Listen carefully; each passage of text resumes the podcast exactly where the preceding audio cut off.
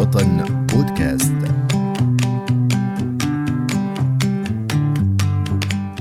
أبو القوانين هو كما يروق للقانونيين وصفه. الدستور التشريع الذي يحدد الحقوق والواجبات العامة للشعب. فما طبيعة العلاقة التي تجمع بينهما بين الدستور والمجتمع. بودكاست وطن إعداد وتقديم فاتح حبابة.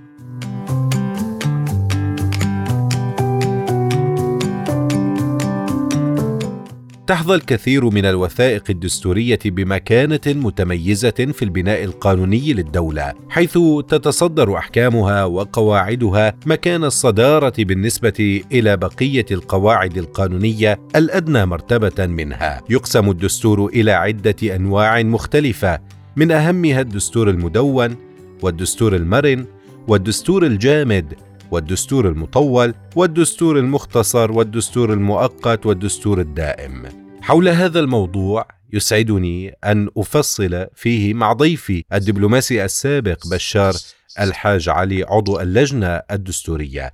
أهلا ومرحبا بكم معنا في هذه الحلقة أستاذ بشار. أه، مساء الخير أستاذ فاتح ومساء الخير للأخوة المستمعين عبر راديو وطن أه، يشرفني أن أكون معكم في للاضاءه حول قضية الدستور التي أصبحت آه، من من القضايا المهمه جدا للشعب السوري على الأقل في مجال الإعلام وخاصة بعد غياب عن السياسة أو تصحر سياسي لفترة تزيد عن خمسين عاما. نعم. أتشرف بوجودي معكم. الشرف لنا سيدي أهلا ومرحبا بكم آه، يعني لو بدأنا هنا أستاذ بشار بالفرق بين الدستور والقانون ما الفرق بينهما بحسب يعني التعريفات المصطلح عليها وكذلك الأمر وجهة نظركم في ذلك. آه الدستور هو كما يعرف كما تفضلت في المقدمة حضرتك هو أبو القانون وهو الهيكل أو الإطار العام لشخصية الدولة كاملة شعبها مكوناتها النظام السياسي النظام الاقتصادي الاجتماعي هوية الدولة بشكل عام. آه، الفرق بينه وبين القانون القانون آه، الدستور يصدر عن جمعية تأسيسية تضع هذا مسودة الدستور ويتم التصويت عليها ومن ثم الاستفتاء استفتاء شعبي على الدستور كاملا. القوانين تصدر إما من السلطة التشريعية بطبيعة الحال مجلس الشعب أو البرلمان أو المجالس الوطنية حسب ما تسمى بحث الدول ويتم التصويت عليه من خلال مجلس الشعب ويصدر بقانون أو من رئاسة الدولة أو أو الملك أو يعني السلطة التنفيذية حسب الصلاحيات في ولكن مقيدة. اذا في هناك آه، تفريق بين الدستور كسمو على كافة القوانين في الدولة وهو الناظم لها ويجب أن لا تخرج القوانين عنها وأنه يصدر مرة واحدة أو يعني من خلال جمعية تأسيسية لهذا الغرض على المستوى الوطني. نعم. بينما القوانين تصدر وتعدل من خلال البرلمانات أو مجلس الشعب أو حسب الطريقة اللي ضمن الدستور. طيب هنا لو تساءلنا عن أهمية الدستور بشكل عام آه، أهمية الدستور بالنسبة للدولة بالنسبة لغير آه، ذلك يعني آه، من مهام ربما يعني يسيرها أو ربما يضع لها حدودا وضوابط ونتائج كذلك الأمر في كثير من الأوقات. آه، بداية آه، الدستور هو الضابط بين آه، بين السلطات، أنت تعلم والمشاهدون الساده المشاهدون يعلمون أن كل نظام سياسي هناك سلطات ومع تطور الأنظمة السياسية أصبح لابد من ضبط هذه السلطات كي لا تتغول على بعضها وخاصة مع فكرة الديمقراطية وفكرة الحريات وحرية التعبير حرية الرأي.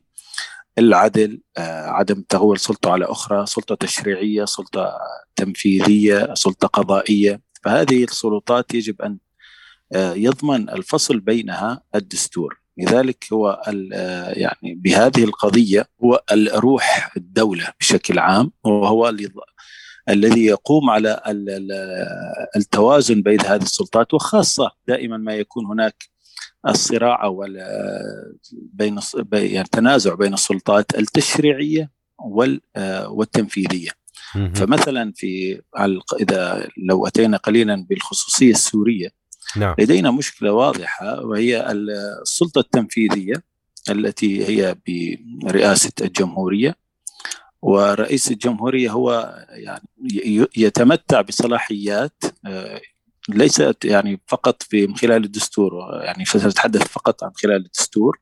آه، هي تجعل من السلطات الأخرى هي عبارة عن آه، مجرد ديكور ليس نظام هي ديكتاتورية أصبحت. يعني لم يكن هن لم يعد هناك قيمة ولا احترام للقانون. نعم. فعندما يكون رئيس الدولة أو صاحب السلطة التنفيذية عنده هذه القوة ولا يوجد ما يمنعه فهذا الدستور بحاجة إلى إعادة وهذا لا يمثل إرادة الشعب. ذكرت هنا يعني الدكتاتورية بالمقابل ربما دولة المواطنة هي المنشودة آه، في سوريا. إلى أي مدى آه، الثقافة الدستورية مهمة في هذه الدولة التي نتحدث أو ربما آه، نتحدث عنها الآن. بغض النظر عن أن الشعب السوري عاش في قانون الطوارئ وقانون الطوارئ هو يعني تعطيل الحالة الدستورية. على الرغم من تفصيل آه، حافظ الأسد دستور على مقاسه في ال 94 وجاء في ال 2000 بعد تعديل الدستور ليكون على مقاس بشار الأسد إلا أنهم أيضا لم يحترموا هذا الدستور الذين فصلوا على مقاسهم. لا يمكن أن تكون هناك دولة مواطنة بدون آه، يعني أي دستور في العالم ينص على كرامة الإنسان ويشتق عن كرامة الإنسان حريته تمتعه بال يعني بعدم ملكيته الشخصية وحريته الجسدية والتعبير عن ارائه وحرية الحركة حرية التعبير آه، بالسياسة بأي شيء. هاي هذه الأمور آه، مصادرة طبعا. فنحن أحوج ما نكون ونحن مقبلين على نظام سوري جديد إن شاء الله لثقافة الدستور وأهميته ولأهمية المشاركة في صياغته وأهمية الاستفتاء أو التصويت أو التعديل في هذا الدستور. لا يمكن لا يمكن أن تكون في دولة مواطنة بدون أن تشارك بصياغة هذا الدستور. وحتى لو تم صياغة هذا الدستور بلجنة خارجيه نعم. يعني تم تشكيلها بطريقة بظروف غير مناسبة. نحن جميعا مقتنعين ولكن لا يمكن أيضا الدخول بعملية سياسية لو كان هذا الحديث خارج.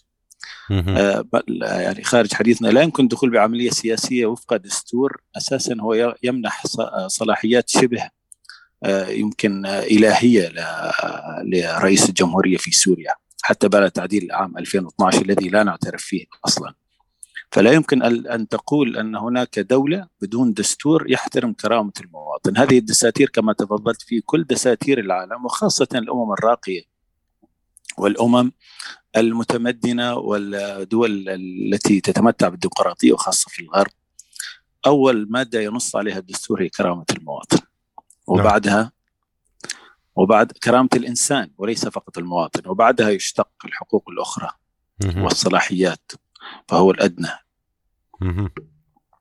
طيب آه، أريد أن أسألك هنا أستاذ بشار يعني فيما يتعلق بالعلاقة التي آه، تجمع ما بين المجتمع ككل والدستور كيف يمكن أن توصفها وترسمها لنا؟ آه، الدستور يرسم أولا آه، شكل الدولة ونظامها السياسي وهو الذي يضمن هذا المجتمع يحافظ على آه، مواصفاته أو بمعنى على طبيعته وخصوصيته من خلال هذا الإطار.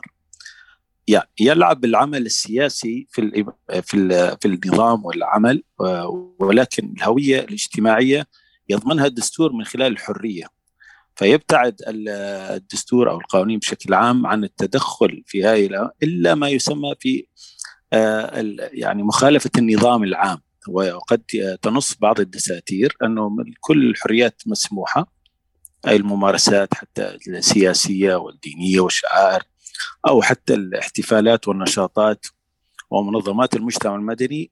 وينص بعض الدساتير كما سبقت أنه بشرط الا يخالف النظام العام، النظام العام هو هوية المجتمع الثقافي. وهنا يمارس الإنسان وجوده في دولة يعني دولة قانون تحمي حريته على شرط أن لا يخرج عن هذا النظام للحفاظ على هوية المجتمع، لا يمكن أن نقول إنه دستور يأتي ليكرس مثلا حريات غير غير مقبولة. نعم.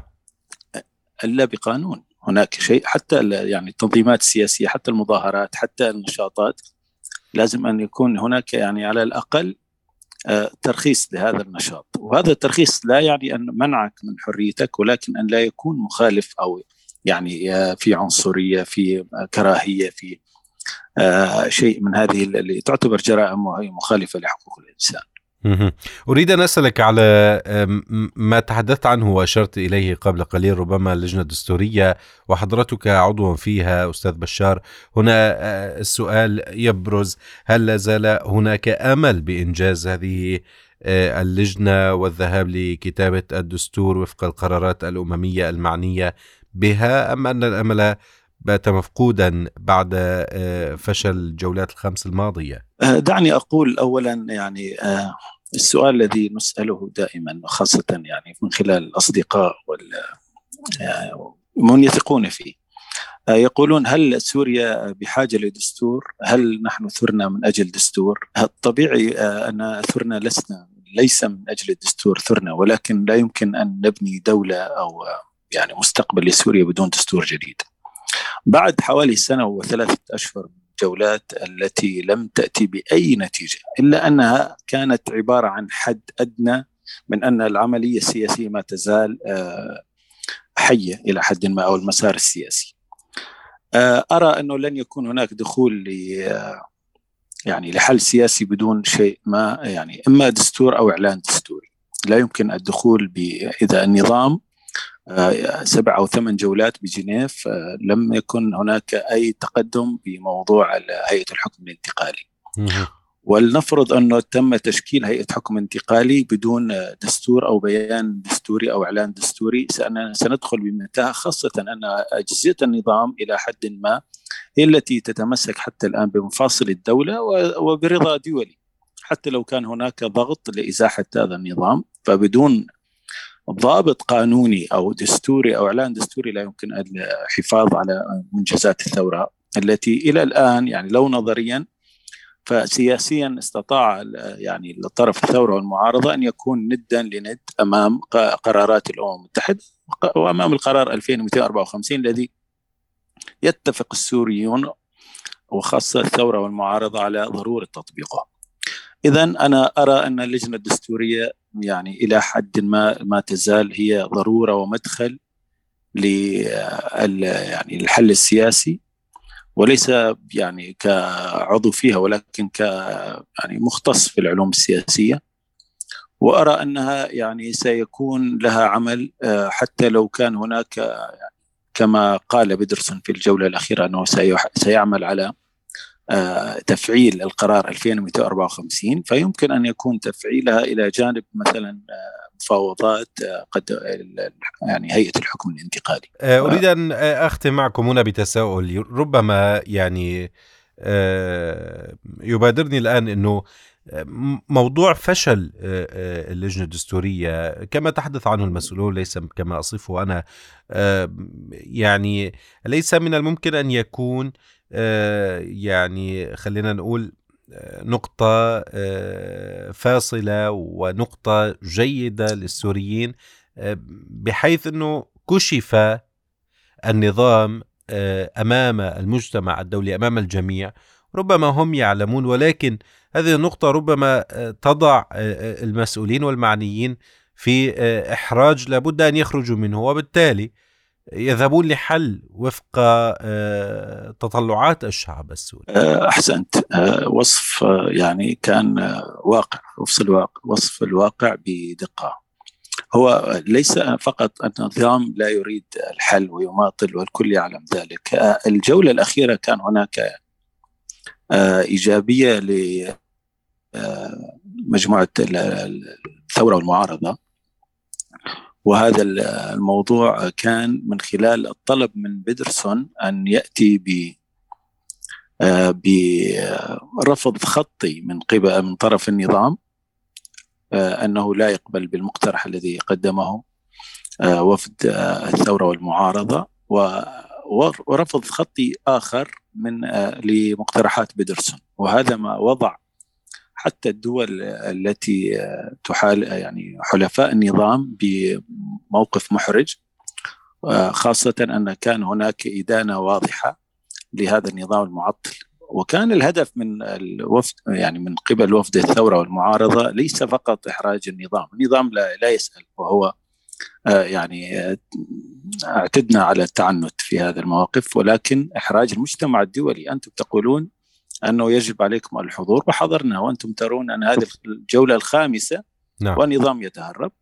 وأصبح الآن الكرة أمام المجتمع الدولي أمام القوى وخاصة قوى الستانه دول يعني محور اسيتانا التي هي كانت ضامنة للمسار الدستوري من جهة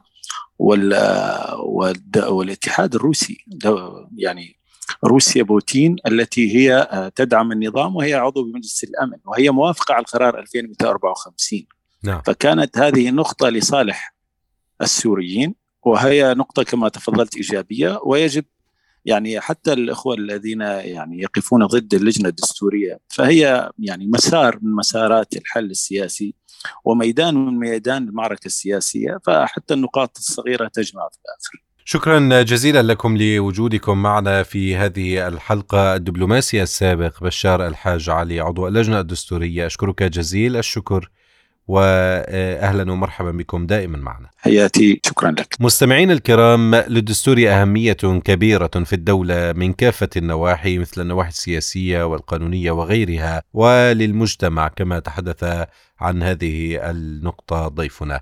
في نهاية هذه الحلقة لا يسعني الا ان أقدم لكم جزيل الشكر على حسن وطيب استماعكم. على أمل اللقاء بكم في حلقة قادمة. ها هو فاتح حبابة يحييكم. دمتم في أمان الله. وطن بودكاست.